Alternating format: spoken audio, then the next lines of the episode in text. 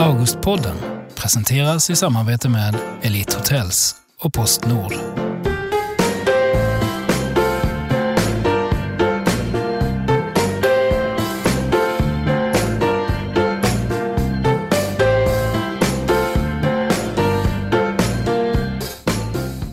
Välkomna kära lyssnare till Augustpodden. Jag heter Daniel Schelin. Det börjar dra ihop sig. Som ni märker när ni tittar ut så är ju löven illröda på träden. Av förväntan förstås, för nu är det bara några dagar kvar tills dess att vi får veta vilka böcker som har nominerats till Augustpriset 2017. Och detta kommer att ske, offentliggörandet av de nominerade kommer att ske på Scenkonstmuseet i Stockholm klockan kvart i sex den 23 oktober.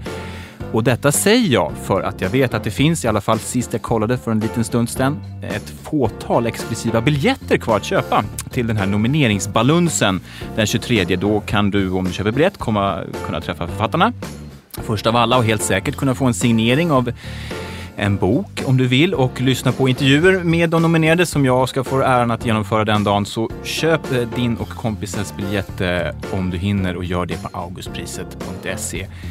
Men nu undrar man ju bara vilka blir det som blir nominerade? Vilka författare har skrivit årets 18 bästa böckerna i de tre kategorierna? Skönlitteratur, facklitteratur och barn och ungdomslitteratur. Ja, se, det är vi några stycken som ska försöka ta reda på här. Välkommen Emma Frans. Tack. Välkommen Johanna Lundin. Tack. Välkommen Jens Liljestrand.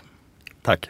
Eh, Johanna Lundin, bokbloggare, känd för Sincerely Johanna. Eh, och nu är det inte bara blogg, det är, liksom, det är en, en hel mediaimperium du bygger upp med Instagram och liksom, eh, Twitter YouTube. och Twitter. YouTube. Ja, Ja, ja. Eh, en väldigt eh, extremt matnyttig blogg kan jag säga, inte bara om litteratur utan faktiskt eh, kultur också lite mer i allmänhet. Ja, precis.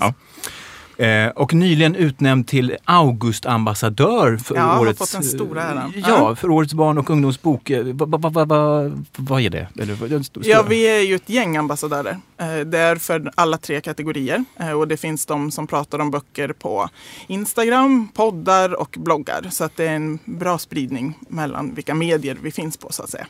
Eh, Och vi kommer att bevaka respektive kategori som man har fått tilldelad. Så där kan man få ja, författarintervjuer och spekulationer om vem som kommer att vinna och recensioner och liknande. Men ambassadör, men ni måste inte vara positiva om saker och ting? eller? Nej, För det, det ska diplomater annars vara? Eller? Ja, precis. Men Nej, vi får ju ha åsikter om vilka som Precis. eh, har nominerats och, ehm, och vad vi tycker om böckerna och sådär. Mm. Men du får ingen bil med blå skylt som kommer hämta dig? Nej. Men eh, vad bra.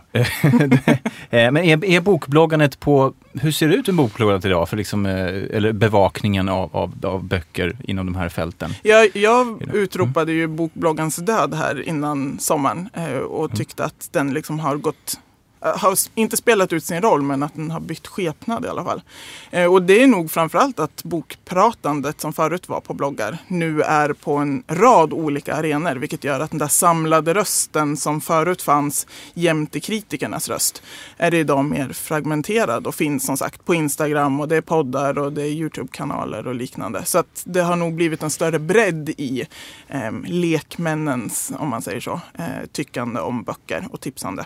Ty, Eh, tycker du det är bra? Eller? Eh, ja, du det gör ju att eh, det kanske är svårare att, eh, att hitta till eh, de som har liknande boksmak som, som dig själv. Eh, men å andra sidan så har det ju öppnat upp för att litteratur, liksom, samtalet har, har fått nya arenor. Eh, välkommen Emma Frans, eh, vetenskapsjournalist, du doktor i medicinsk epidemiologi. Snyggt. Eh, ja, jag lyckades Ja, det är världens svåraste ord Ja, det, det, eh, forskare vid Karolinska institutet och University of Oxford. Eh, därtill vetenskapsskribent i Svenska Dagbladet och har även kallats för en av de roligaste svenskarna på Twitter. Eh, hur går det här ihop? Eh, Ja, jag vet. Det är en stökig mix. Ja, Eh, men det funkar ganska bra. Jag är lite splittrad just nu. Jag är ju debutant också. ja, precis. Du kommer ut i, aktuell i år med fackboken Larmrapporten. Exakt. Vad handlar den om? Den handlar om eh, hur man skiljer vetenskap om trans, det är underrubriken. Så det handlar ju lite om den här debatten som pågår nu om vad fakta är, vad kunskap är. Eh, den handlar också om det här med fake news och eh, hur vet vi egentligen om någonting är sant eller falskt. Och även då larmrapporter och den här typen av alarmistiska rubriker som ibland ger en ganska missvisande bild av vad forskning och vetenskap egentligen visar. Men då borde du med detta kritiska tänkande medfött verkligen kunna berätta vilken bok som är absolut bäst i den skönlitterära klassen också kanske. På ett objektivt du, du, kan sätt. skåda igenom Alltså, allt, allt inte fluff som, som står i, i rubriker i Ja, jag skulle nog där. behöva utföra någon sorts vetenskaplig studie i så fall tror jag. Det har jag inte hunnit göra Mm. än, tyvärr. Men du, du, du kan ju faktiskt vara en av de som är nominerad snart. Har du tänkt på det? Eh, ja. Vad, Jag vad, har- har inte reflekterat så mycket över det. men vad gör du då? Vad tror du? Men jag tror att det här ämnet kan vara lite inne på något sätt. Det är Mm. ju inte bara min bok som handlar om det här. Det finns andra också. Arne Jarrik skrev en bok som heter ehm, Det finns inga häxor. Han är professor i historia som också pratar om det här med kunskap och kunskapsrelativism. Åsa Wikfors är professor i filosofi och kommer också ut med en bok som heter Alternativa fakta. Och det finns, jag, tror också, ja, jag tror att det är, skulle kunna vara någon på det temat faktiskt. Vi kan ju passa på att skriva, liksom pumpla ut lite, lite propaganda om att deras böcker inte är eh, sanna och korrekta. Jag har tyvärr inte hunnit läsa dem för att alla kommer det precis behöver man inte göra för att hävda att de Nej är men det. okej då. Ja. Eh, men eh, vad- jag kan bara rekommendera dig att håll din telefon påslagen de närmaste veckan sådär, eller två för att eh, om det ringer från förlaget så bör du svara då. För att om jag missar det, samtalet så är det kört. Då är det kört, då kan du någon inte bli just nu. Du får ta någon annan. Så är det bara. Ja. Eh, Jens Liljestrand, välkommen. Tack så mycket. Biträdande kulturchef Expressen, litteraturvetare, romanförfattare och snart även fackboksförfattare. Just det. Eh, din, du, jag vet att du har på extremt länge med en bok om giganternas gigant. Vilhelm Moberg. Det stämmer, absolut. Och Du, du kommer helt enkelt komma ut nästa år ur garderoben som vår, vår tids stora Moberg-expert. Absolut, det, Mm. det, det, så är det. Men känns inte det väldigt nervöst? Jag menar, det, Moberg tröskas på universitet och det kan komma en sån här impertinent student som bara pyser hål på ditt eh, argument. det faktiskt- jag, har ett brev här som ingen har sett. Det så, det är fruktansvärt och jag ska förklara varför. Att, för att skriver man en roman, då kan man, och så får man dålig kritik på den, då kan man säga okej, jag skriver en till. Mm. Eller, jag, Eller de har inte fattat. De har inte fattat Mm. eller jag skriver en till. Men får man, skriver man en biografi på 6, 7, 800 sidor och så säger folk att ja men du, eh, du saknar det här och du, borde, du, du glömde att berätta att han hade fem oäkta barn. Eh, eller om det här manuset som Jens Liljestrand uppenbarligen inte känner till. Eller, alltså, den typ, eller just det, den slutgiltiga biografin över Vilhelm Moberg, den väntar vi fortfarande på. den typen av kommentar. Då känns det som att ja, okej, jag kan göra mycket mer med mitt liv men jag kommer aldrig göra den här boken igen. Ja, Det här, är den, det här är den första och den sista biografin över Vilhelm Moberg som jag skriver och jag, får, jag har en chans att lyckas. Mm. Ja, det känns, eh, jag vill inte byta plats med dig. Eh, I och för sig skulle det vara fantastiskt att ha skrivit en 600 lång biografi men, över Vilhelm Moberg. Men eh, det känns pirrigt. Men vi får se då om, om eh, hur det blir nästa år. Lycka Absolut. till Ja, säger tack så mycket. Hörni, vi sätter igång här. Vi har ju tre kategorier här eh, och vi ska liksom tipsa om, om böcker som vi har fastnat för under året. Vi börjar med eh, bilderböcker, alltså barn och ungdom, ungdomsböcker. Den kategorin heter det. Vad är någon som vill eh, på managementnivå så säger man numera att man ska köra popcornmetoden. Vet ni, att, liksom, den som först känner för att tala, gör, då, gör det. Är någon som har något så här, den här boken i den här kategorin har fastnat för? Nu tittar alla på Johanna, varför det? Ja, Nej, men jag tänker på det Emma pratade om. Inte kanske en, en specifik titel men en trend som jag har sett. Ja, mm. eh, om jag får eh, börja med att trendspana. Ja. Eh, och då skulle jag säga att eh, flykt och flyktingfrågan jämte eh, ja, fake news eller liknande. Eh, och den har jag sett i flera böcker som handlar om de som är på flykt eller har varit på flykt. Ehm, och då har jag till exempel eh, Kajsa Gordon, ehm, Om jag får stanna, som kommer på Rabena Sjögren. Eh, som handlar om en tjej som lever gömd. Ehm, så att Ja, jag skulle säga att det är ett, ett starkt tema överlag faktiskt. Ehm, Och det, det började syntes redan förra året den här kategorin. Åka buss Ja, var en, precis. en, en bok som hette som, som Mm. eh, Matilda Ruta. Eh, Mm. Men kan det vara så att, att barn och ungdomslitteraturgenren är, är eh, snabbare än, än eh, andra genrer med, Att fånga upp sådana ja, och saker. fånga upp saker som är aktuella, absolut. Vi ser det ju lite inom facklitteraturen också. Viktor Banke har ju gett ut boken Andrum som Mm. ger ett inifrån perspektiv. Eh, där han har jobbat då, han är ju jurist och har jobbat då med eh, asylsökande och ger ett inifrån perspektiv. Och det här tror jag ju är eh, en händelse i svensk historia som vi kommer prata väldigt mycket om framöver. Så att jag tycker att det är, det är väldigt relevant och ger det ur många olika perspektiv. Inklusive då många barn som finns här i Sverige som brottas med sådana här frågor. Och just på eh, temat eh, från förra året eh, där Åka buss var nominerad så har jag Här är vi av eh, Åsa Lind och eh, Ingrid Godon, tror jag namnet uttalas. Ehm, och det är ju också en bok som inte uttalat handlar om flykt men där det ändå går att, att läsa in det. Eh, och det är väl någonting med med barn och speciellt bilderböcker tänker jag att det kanske inte alltid är uttalat utan det är vi som vuxna som kan se att det handlar om ett visst tema. Eh, och sen så plockar barnen upp det eh, eller inte men att det ändå finns där som ett, ett typ av tema. möjlighet. Mm. Eh, man kan också tänka sig hur, det- hur det kan eh, se ut om 15-20 år när många som kommit hit nu själva blir Mm. eh, författare också. Vilken enorm påverkan eh, liksom, och kraft säkert det kommer Mm. bli i de berättelserna. Mm. Eh, har, har, du, har du någon personlig favorit då? Eller? Ja, nej för en annan eh, eh, tema som jag har sett är så här, vem är jag och identitetssökandet. Eh, och det är lite samma sak som du pratade om nyss, att eh, tänk vad som händer om, om ett antal generationer när. Men, men just det här, inte, absolut inte navelskåderiet utan ja, men ett, ett reflekterande över vem du är och vart du eh, hör hemma. Eh, det kan jag också se i flera, eh, flera böckerna som jag har tänkt kan nomineras. Sen får vi ju se också eller hur fördelningen kommer att vara bilderböcker, mellanåldersböcker, ungdomsböcker. Ehm, Ja, det, det brukar ju vara i alla fall att bilderböcker brukar ju bli nominerade. om Ja. man säger så. Eh, jag tror att Eva Lindström är sån här, har Som rekordet har- i mest nomineringar överhuvudtaget. Precis. Men, men eh, precis som med poesin i skönlitteraturen så liksom är det väldigt sällan det blir väl prisat. ja. Ja, men det brukar ju vara så att eh, juryn väljer ut bilderböcker. Men finns det en te- mer texttung bok eh, så är det Mm. den som elektorerna väljer. Eh, vi hade ju för två år sedan när det var fem bilderböcker och en ungdomsbok. Och då var jag helt säker på att då blir det ju en bilderbok. Eh, och närstuderade kanske inte den, ja det var Mördarens apa som, som vann då. Ehm, men så var det ändå eh, den som vann. Ehm, och när det gäller bilderböckerna också så brukar de ju ofta belysa text och bild. Ehm, att det även är det konstnärliga i bilderböckerna.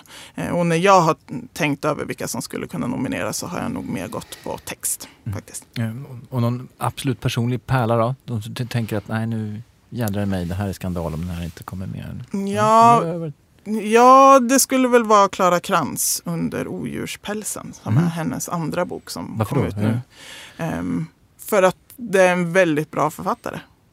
Det kan ju vara en motivering då. Ja. eh, nej, men hon har verkligen utvecklats sen sin eh, förra bok Ge mig arsenik. Mm, sånt är ju Ehm, roligt att se. mm. Ja. Men sen är ju jag också en stor vurmare av ungdomslitteraturen så att jag håller väl den ehm, att jag är mer inläst också på den än vad jag är på bilderböcker till exempel.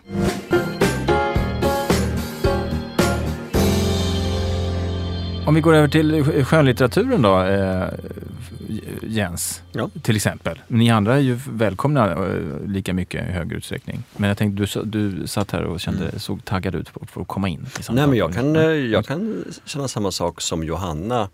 Det mönster som du, som du och Emma ser i, i barn och ungdomslitteratur ser vi också i skönlitteratur. Att du har ett starkt fokus på, på krig, på flykt, på terror och på, ska man säga ett övergri- övergripande tematik så är det ju hur skulle, tänk om det här samhället vi har, tänk om vi inte kan ta det för givet längre. Tänk om vi skulle ha ett helt annat Sverige. Eh, det finns ju tre böcker eh, som jag, alla tre har en bra chans skulle jag säga, men den som har bäst chans är förstås eh, Johannes Anioro. Eh, det kommer att drunkna i sina mödrars tårar heter den boken. Väldigt uppmärksammad bok om eh, vad som händer ett framtida eh, Sverige där eh, något slags högerextrem regim har tagit över. Um, En, en, en, en, en terrorattack utlöser en förändring i Exakt. samhället som, som han spårar sen. Så det är en slags framåt i tiden. terrordystopi. Eh, sen har vi också um, Jerker Wirdborg, Sommaren syster, som utspelas också i ett framtida Sverige där då eh, Sverige är i krig. Ehm, och sen en kommande, en bok som inte har kommit än men som är på väg ut är ju Julia och Paul, eh, Peter Fröberg Idlings kommande roman. Peter Fröberg var ju eh, nominerad för sin förra bok. Och Julia och Paul utspelar sig alltså i Sverige nu, men i ett Sverige där kommunisterna gjorde revolution. Eh, Hoppsan, Kerstin. 1917 så lyckades en kommunistisk revolution i Sverige och eh, hur skulle Sverige varit 100 år senare, alltså idag? Det handlar den boken om. Men det övergripande här det är ju alltså vad, om vårt samhälle var radikalt un- annorlunda, hur skulle det se ut? Och vi kan inte ta, det Sverige vi känner kan vi inte ta för givet. En lite mer sökande mot en liksom, idéroman väl också egentligen. Idéroman är ju att man tar, prov, provar en Absolut, hypotes och ja. också gestaltar den i, i Ja. roman. Och där finns en annan bok som jag också tror, ganska säker på blir nominerad. Det är ju Agnes Lidbeck, hennes debutroman Finna sig. Som är, jag skulle vilja säga en feministisk idéroman där väldigt avskalat, väldigt stiliserat beskrivs en kvinnas tankar när hon gen, går genom hela livet och bara anpassar sig efter män och bara lever för att bli bekräftad och behövd av män. En, en lattemammas olidliga eh, tristess. Eller, eller, eller- Absolut, men eller- den, den fick ju väldigt s- mycket uppmärksamhet när den debuten kom och jag tror att den också ligger bra till för nominering faktiskt. Mm. Eh, vad, vad, vad tänker ni andra? Har ni andra liksom... Ja, men det var intressant för jag har ju en fusklapp då framför mig. Ehm, och skulle bli väldigt förvånad om Johannes Anioro inte blir nominerad. Den kändes sådär när den kom, som att den här är självskriven. Lite som Jonas Hassan Khemiris ehm, bok när han vann. Eh, och jag hade också Ag- Agnes Lidbeck och debutanter är ett annat eh, Mhm, spår mm. ehm, som jag har eh, fångat upp. För det är ju inte alltid heller som, ehm, ja men den här hur debutanter står sig i förhållande till de som har skrivit flera böcker innan och som juryn på sätt och vis då skulle kunna vara mer bekanta med.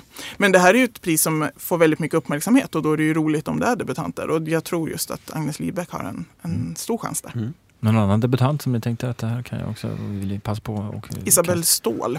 Ehm, just nu är jag här. Ja. Mm, varför då? Eh, Vad natur och kultur.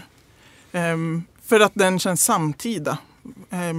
Som ett, verkligen ett nu och, och här. Eh, och också ett typ av sökande. Jag har väl fastnat väldigt för det där. Ehm, Ja, det är en ung, ung kvinna som är verkligen fast i sin skärm får man Mm. säga i början av boken och har väl liksom lite, scen i början tror jag, när hon Mm. liksom, eh, träffar någon på en bar och inser att jag har inte pratat med någon med min röst på två veckor. Jag bara Mm. liksom kommunicerat med.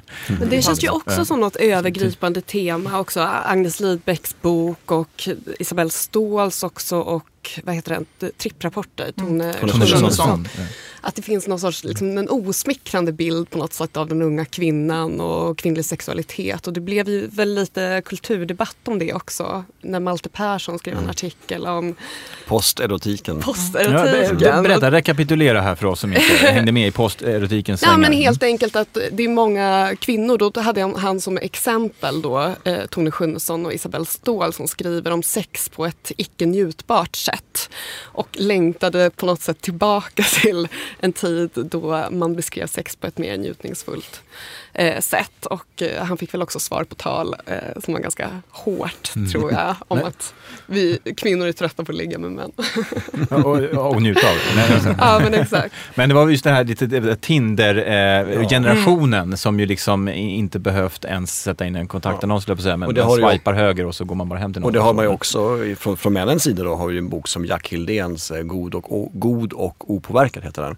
Eh, som skildrar ur männens perspektiv det här Tinder, Tinder-samhället. Eh, Men det här var ju de, de, det unga gardet här. Vi får se, det kanske blir en slagsida åt de nykomlingarna med. Liksom. Men hittar ni någon gammal stöt? Då, Alltså, som- vi, har ju en, vi har en veteran som jag tror faktiskt kan få sin nominering nu. Och det är ju Per Hagman. Ja, För eh, allas älskare, ingens älskling. Eh, självbiografisk roman om eh, vagabondliv eh, och fattigdom. Eh, med mycket Sverigekritik också förstås. Eh, och den fick mycket uppmärksamhet och Per Hagman har ju på något sätt, det, det kanske inte är att just, att just den här boken är den bästa han har skrivit, men han sammanfattar i sin litterära persona på något sätt så starkt hela, tänker jag, 90-talet, hela det här ironiska generationen Sverige på något sätt. Um, Han är född sex, 68, 69 ja, sånt sånt. ja. Um, och um, alltså hela ZTV-Sverige på något sätt, Henrik Mm. Schyffert-Sverige, är så mycket, han är den litteraturen. själv egentligen nu. Alltså de andra har ju droppat av. Det fanns ju sådana som Erik Hörstadius och Claes Holmgren och sådär men de har på något sätt försvunnit utan nu är det Per Hagman själv som står för den genren och det uttrycket. Jag tror att, eh, De andra skaffade villa och Volvo. jag tror att och han är den som fortfarande lever det här rotlösa tillvaron på något sätt.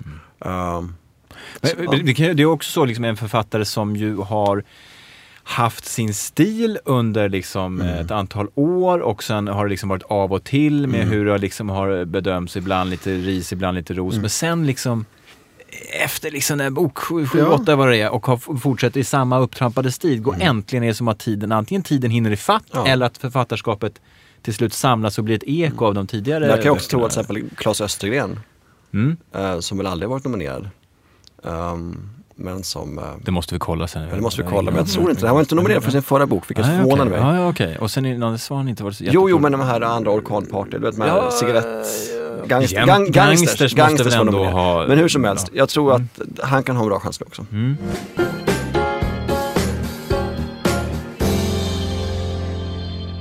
Ja, om vi, om vi ska kasta oss över in, in, in i facklitteraturen här då. Vi, vi- vi, vi, eh, och nu vänder sig alla till Emma här som den stora ciceronen här. Eh, vad, vad har du spanat på? Alltså det, jag har en spaning som handlar om att det är lite de historiska kvinnornas år. Eh, Volanti gav ut boken En annan historia där man pratar om väldigt många olika kvinnor från historien som inte har fått den uppmärksamhet som de förtjänar. Och jag, det verkar också komma ut många biografier nu eh, om olika kända kvinnor. Eh, mer eller mindre kända får man väl säga. Eh, en eh, Karin Boye biografi till exempel, Den nya dagen gryr av Johan Sveirdal. Också en roman om Karin Boye av Elisabeth Hjort. Vet jag. Okej. Ja. Eh, och sen så är det ju självbiografi också, Åsa, Åsa Moberg, Livet. Eh, och eh, även då andra kvinnor som kanske inte har varit lika kända som Kata Dahlström kommer en biografi om. Och ja, det finns några sådana exempel. Så jag, jag tror att det är en trend just nu, att man försöker uppmärksamma kvinnor i historien. Det, det känns, känns ju inte spontant som att det är en ruta som snabbt fylls. Här finns det ganska mycket att göra. Eller? Ja, precis. Och jag tror att det har kommit ut någon bok, nu kommer jag inte ihåg vad den hette, om eh, kvinnor som har varit stora inom ekonomin. Och jag tror också att det är böcker på gång som kommer uppmärksamma kvinnor inom vetenskapen också. Så att, eh, jag Det- tror att det här det. är något som kommer fortsätta. Som har haft kanske sitt ordentliga startskott i år och att det kommer pågå ett Och det är tror jag en trend utifrån också. Det är väl sån här, nu kanske, nu minns jag inte titeln, men det är någon jättestor barnbok, en gigantisk som Mm. är gjort, som, som det var några som crowdfundade i USA. Och sånt där. Vi vill skriva en bok med hundra Ja, kvinnliga förebilder.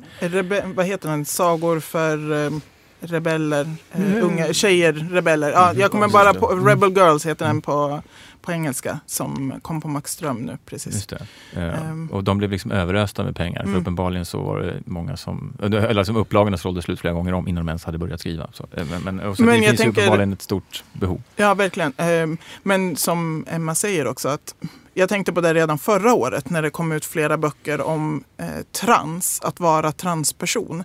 Så tror jag, eh, för att jag hade också både Kata Dahlström och eh, boken om Karin Boye på, på min lista som jag tror kommer nomineras. Och att det inte är en trend utan snarare att man tar igen en typ av lucka som finns i utgivningen. Så att de inte ska ses som någonting som, ja ja men nu har vi gjort, nu har vi gett ut de där böckerna och sen är det färdigt. Utan att det snarare är att eh, förlagarna börjar se att här finns det luckor i, i vad som ingår i någon typ av kanon eller eh, liknande och att det behövs fler eh, perspektiv och då är ja, men till exempel framgångsrika kvinnor som kanske inte har lyfts tidigare är ett sånt spår. Men att det inte förhoppningsvis är en övergående trend utan att det blir snarare ett stående inslag. Men ska man vara lite, lite så att säga, ärlig också så är det så att Augustjuryn brukar ju inte nominera biografier på alls som man tror. Alltså den stora biografin över, över Olof Palme blev till exempel inte nominerad till mångas chock skulle jag vilja säga. Ja, Det diskuterades i flera år. Det, jag, jag kan Ja. diskutera den idag. Alltså, så, här, så att biografier får ofta mycket uppmärksamhet, rätt eller fel, men de blir sällan nominerade i paritet med den uppmärksamheten av Nej. Augustjuryn. Det händer så att säga, men Augustjuryn tittar inte så mycket på vad som blir uppmärksammad utan när vann sist en biografi August i fackboksklassen? Johan Svedjedal som du nämnde, han har ju varit nominerad för åtminstone tre böcker tidigare men han har aldrig vunnit. Vad tror du det beror på då? Jag tror att det beror på att vi, vi som jobbar i media uppmärksammar gärna biografi eftersom alla vill veta om Karin Boye eller Olof Palme eller Vilhelm Moberg för den delen. Men däremot så är det inte alltid det som Augustjuryn bedömer som den högsta litterära nivån. Är så det. Är det därför du Prestige, skrev eh, din Nu försöker han, bullar upp här inför nästa år. det kan vara en viktig forskningsinsats som till exempel den här Mm. Gutenberg-galaxen. Så här, att man ser att den har ett väldigt stort värde. Även fast man inte kan, kan hänga upp den på ett, ett enskilt människoöde så berättar den naturligtvis väldigt mycket om en tid och om flera öden ändå. Um, men du kan också ofta bli helt disparata böcker. Det är samma sak, reportageböcker. Vi i media vill ofta uppmärksamma reportageböcker. Vi tycker att det här stora viktiga reportaget om Pol Pot i Kambodja till exempel borde självklart bli nominerad för att det har väckt så mycket debatt. Men det händer inte alltid Just så. det. Det blir inte alltid så. Niklas Orenius var väl nominerad förra året? Det var han och många, precis. Och det. den, den trodde ju många skulle vinna men det gjorde det inte. För det eh, har jag också tänkt lite på att det känns som det är en true crime-våg eh, på gång nu. Det har ju varit väldigt stort. På Netflix har det ju släppt Making a Murder och poddar går ju också väldigt bra. Och det känns som nu börjar de komma eh, i bokformat också allt mer. Åsa Erlandsson kommer ju släppa en bok nu om det här i händelsen i Trollhättan. Mm. Som, som har for- forskat något infernaliskt på, eh, på det. Ja, Ja. Eh, jag tycker det ska bli jättespännande att läsa den. Eh, sen så är det ju också den här fallet Kajlinna-boken kommer nu också. Och det kommer nog bli en stor grej på nya förlaget Mondial. Så Biografier och true, eh, alltså sanna, liksom går Ja. det mot, mot det här? Det här är väl, har det här varit en trend under många år? Att vi vill, Dan Josefssons bok om Thomas Quick till exempel fick ju oerhört mycket uppmärksamhet. Eh, och den blev också nominerad men vann inte det året. Mm. Men så att säga, vad tror, är, det- det liksom att det, att det hänger kvar? Det, alltså, biografier och verkliga liv och sådana Mm. saker har ju haft historiskt sett lägre status helt Mm, enkelt. Mm. Eh, det, backar man liksom 20-30 år så, så var det liksom, vet jag, till och med ko- konsten när man tittar på den, det det- kändisar var ju hemskt att ha att göra med. Idag använder ju konsten kändisar titt som tätt. Alltså med undantag från Andy Warhol, men alltså, det har ändå funnits en, liksom, en, att vi vill skilja oss från den här mondäna industrin av persondyrkan. Ja, men jag skulle säga att Augustjuryn i den facklitterära klassen framstår fortfarande som lite världsfrånvänd Mhm. i att de ofta ignorerar mediesnackisarna och eh, jag vet på min arbetsplats så kan, man, så kan folk liksom verkligen klia sig i huvudet och undra, men den här att det alltid blir någon helt okänd konstbok eller någon okänd fågelbok eller vad det nu är för någonting. Som är jättefina böcker. Jag Nu säger kommer du få. Sveriges ornitologer på du. Alltså, böcka inte Det nu är, för ornitologerna. oerhört, det är oerhört fina böcker men det är inte de, kanske, inte- kanske inte de som vi har tänkt oss som den viktigaste fackboken. Ja, men det tycker jag är genomgående faktiskt. Att det är mycket lättare att gissa vilka som Ja. kommer att nomineras i Precis. skönlitterär och barn och ungdomsklassen än vad det är i faktaklassen. Mm. Just för att den ut... Ja, vi har diskussionen om att barn och ungdomskategorin är för bred och att man borde dela på den och det är ly- eh, lyrik ihop med prosa i skönlitterär och, och sådär. Men just i faktaklassen, det är ju nästan omöjligt. Men om vi tittar på vilka debatter, förra året var det ett stort äktenskapsgräl ju i alla fall i litteraturen. Det var ju liksom, Ebba, Ebba och Horace. Just det. Alltså det är en sak som jag har tänkt på som jag tyckte var intressant. Det var ju apropå den här boken om Södertälje-maffian. Ja. Som drogs tillbaka. Som Brombergs valde att inte ge ut. Följ fucking order skulle den heta. Och nu så kommer den ges ut på Mondial istället. Och den vållade ju mycket diskussioner om eh, huruvida maffian ska få styra vad som ges ut och så vidare. Och det är ju en ganska, den är kanske inte lika sexig som äktenskapsbråket. Men det är ändå en väldigt intressant och relevant diskussion. Ja, viktig precis diskussion. Och sen så, jag menar i och med bokmässan och eh, yttrandefrihet och nazism och så vidare så har det ju, det har ju varit en väldigt het debatt. Ja, jag tycker den har överskuggat allt annat som jag skulle komma ihåg. Alltså när jag har försökt att tänka tillbaka så har, har bokmässan liksom hängt med ända sedan förra året. Den har li- ja, i mer eller mindre grad. Eh, vilket har gjort att väldigt få andra saker hänger kvar i minnet. För att bokmässan har upptagit så mycket tid eh, och energi från hela litteratur-Sverige. på Men något vi hade i alla fall också den här posterotik eh, Mm. eh, kalabaliken nu. Men, eh, vi med? Jens, du som dagligen följer eh, debatten. Jag skulle säga att eh, en debatt som kanske kommer lite grann i efterhand men som jag ändå, ändå gärna skulle se få en nominering nu det är ju branden, den stora branden i Västmanland eh, som förstörde den, den största skogsbranden i, i Sverige sedan medeltiden. Um, som var i, i augusti 2014 tror jag, 2015.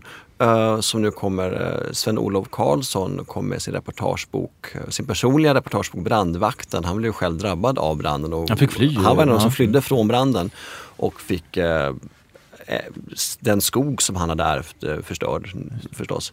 Eh, och har nu skrivit en reportagebok om vad, varför hände den här branden? Vad är det omkring oss, vad är det i världen, vad är det i samhället som kan möjliggöra sådana här enorma skogsbränder? Ja, det är klimatpåverkan men det är också nedrustning av saker som räddningstjänst, det är privatisering, eh, flera orsaker som gör att den här typen av, bränder kan inträffa i, runt om i världen förstås men också i Sverige. Eh, vad de får för konsekvenser och eh, hur det här är någonting vi kommer leva med. Um, Göran Greider sa på Bokmässan att den här boken, eller vi borde prata mer om bränder än om Ryssland. Mm, Brä- intressant. Skogsbränder är ett större hot mot oss än Ryssland. Varför pratar vi inte om det? Um, Följer man kausaliteten där så kan man ju precis, det, det räcker inte med att bara säga att det var en gnista från en skogsmaskin. Alltså, vad gjorde den där? Varför då när Ja. det var så torrt och varför skulle den vara så Och stressad? de här jättebränderna vi ser nu i Kanada eller USA eller Australien.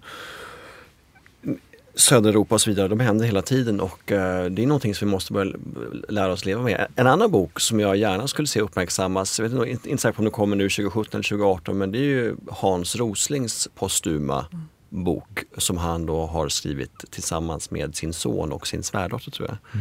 Eh, och det är den här boken som det var mycket prat om som, sen ska, som ska komma först på engelska men också på natur och kultur på svenska. Kan man nominera en bok om den kommer först på ett annat språk, om den är skriven av en svensk? Nej, jag tror inte det va?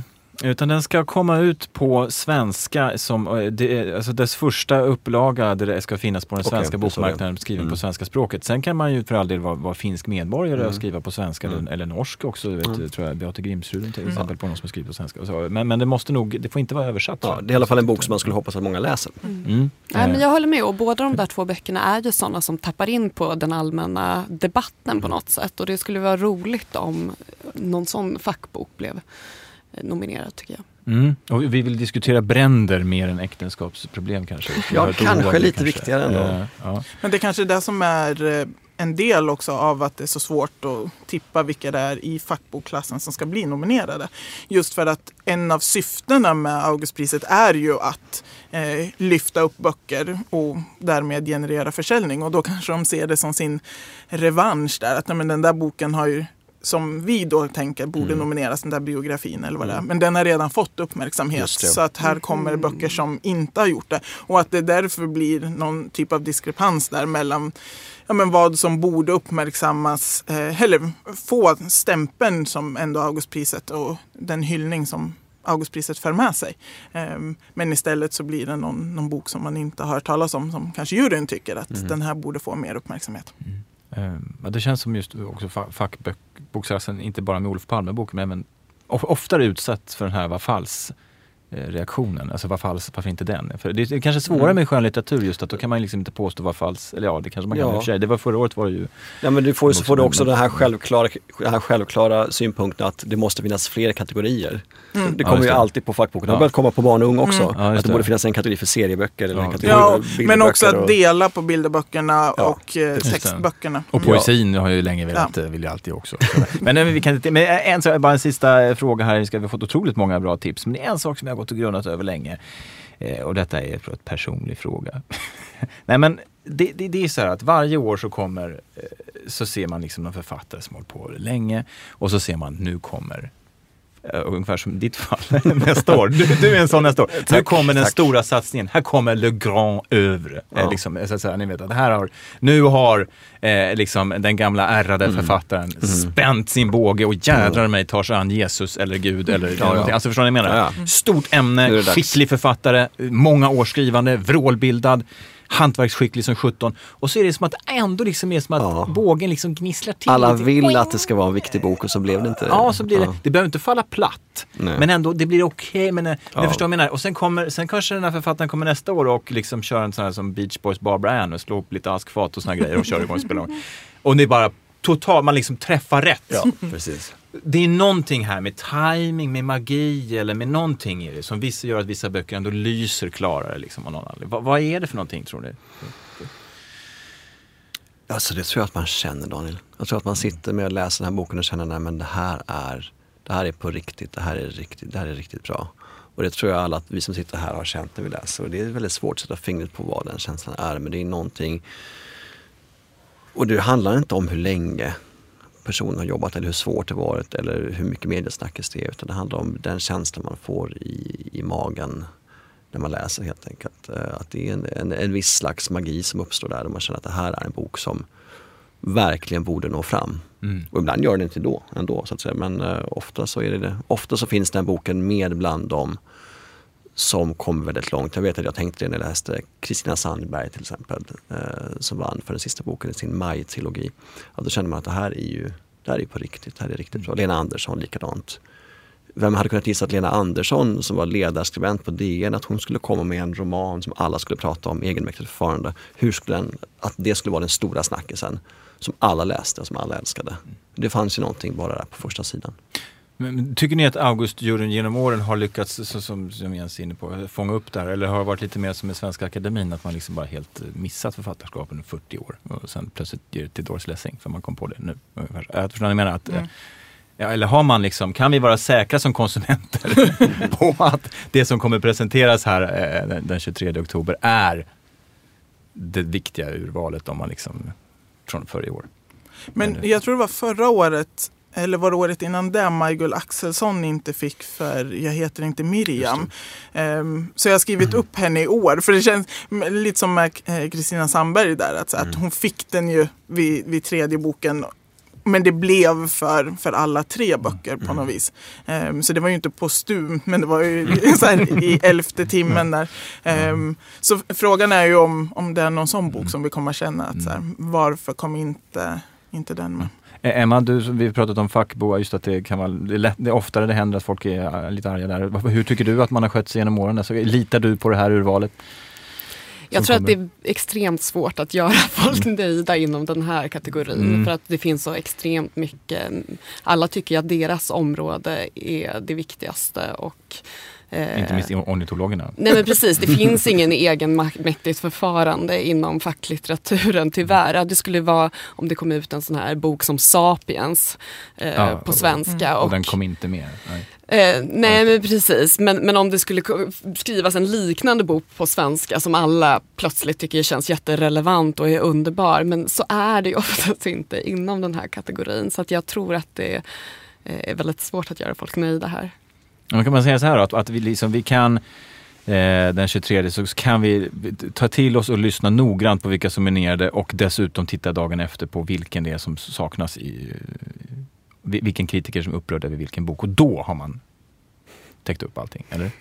Men det som är roligt är ju att först får vi reda på vilka som har nominerats och sen går det en månad. Och så har du ju själv möjlighet att ja, läsa de nominerade för att sen kunna ha en åsikt om det var rätt bok som vann. Eh, men det brukar alltid vara det svåraste med faktaboksklassen. För ja, men det kan ju vara någon som är 600-700 sidor eller så kan det vara flera sådana och hinna läsa det på en månad kontra ja, men när det har varit fem bilderböcker. Liksom. De går ju ändå fortare att läsa. Men det är det jag alltid har tyckt har varit roligt och många eh, just bokbloggare som, som själva följer med sen när vi får reda på vilka som har nominerats och tar sig igenom dem. Så vi får väl se om Karin Boye-biografin som man liksom får en anledning att läsa den. Ja, den kommer vara dominerad. Den kommer vara nominerad. Ja. Absolut. Säger Jens Liljestam, tack så mycket för att du kom hit. Likaså tack Johanna Lundin och Emma Frans. Eh, lycka till med läsandet och eh, allt vad ni håller på med eh, framgent. Hoppas vi ses här igen. Tack Så mycket. Tack.